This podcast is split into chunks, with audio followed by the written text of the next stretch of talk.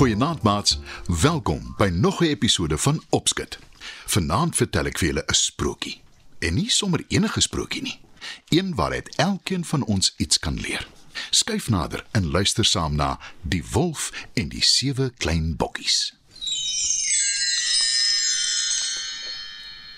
Lank, lank gelede was daar 'n mamma bok wat saam met haar sewe klein bokkinders diep in die bos gebly het. Hulle was baie lief vir mekaar en het al hulle tyd saam deurgebring. Mamma bok het goed vir haar kleingoed gesorg en elke dag vir hulle gaan kos soek in die bos. Sy hoef nooit ver weg van die huis af te gegaan het daarvoor nie. Maar toe, op 'n dag, raak die kos in die bos min en mamma bok weet sy moet nou verder gaan soek. Dit maak haar bekommerd want sy wil nie haar klein goed lank alleen los nie. Sy dink lank daaroor.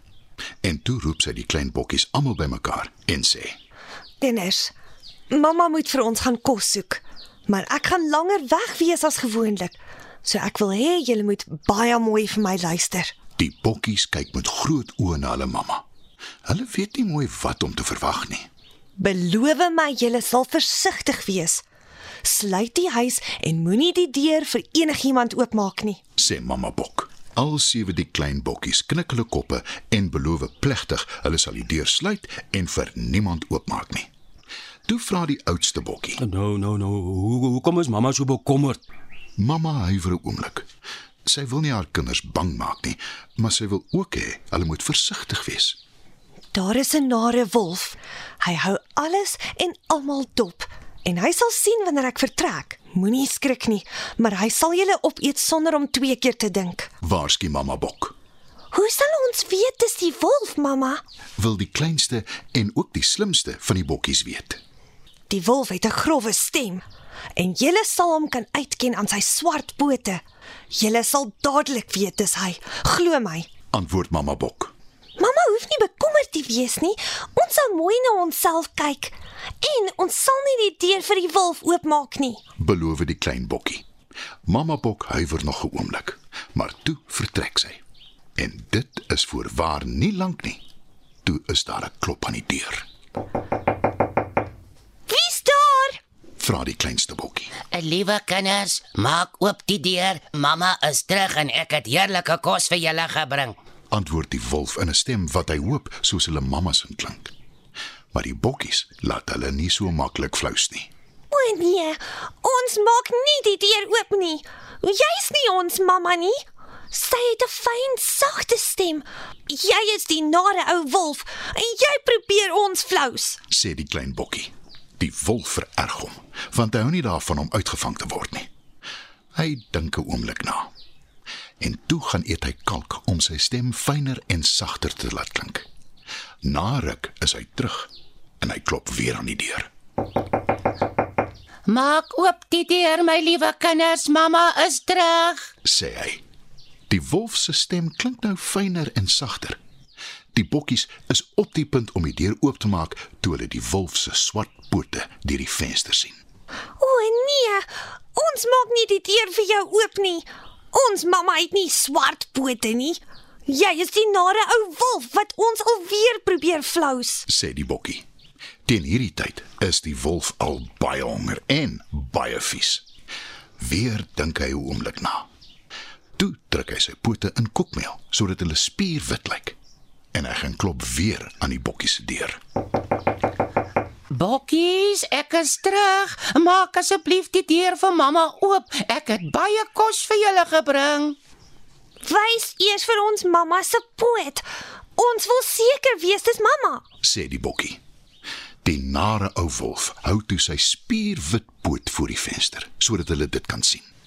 Goed mamma, ons sluit vir mamma die deur oop. sê die bokkie en sluit opgewonde die deur oop. Maar toe sien sy en haar boeties en sissies, dit is wel die nare ou wolf. Hulle skrik hulle boeglam en hardloop verboureerd rond en probeer wegkruip. Een bokkie kruip onder die tafel in, 'n tweede een kruip binne in die bed, 'n derde een kruip in die stoof weg. Die vierde bokkie kruip in die kombuis weg.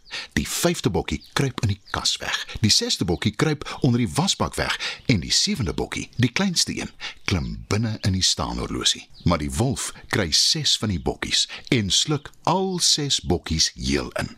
Hy soek en soek maar hy kry nie die kleinste bokkie in die staanderlosie nie.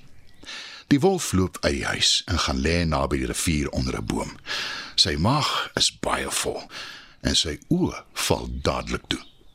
Die klein bokkie bly maar aan die staanderlosie, te bang om uit te kom. Maar na ruk daag mamma bok op. Sy sien die huis se deur staan oop en sy's dadelik bekommerd. Waar is julle my kinders? Roep sy benoud.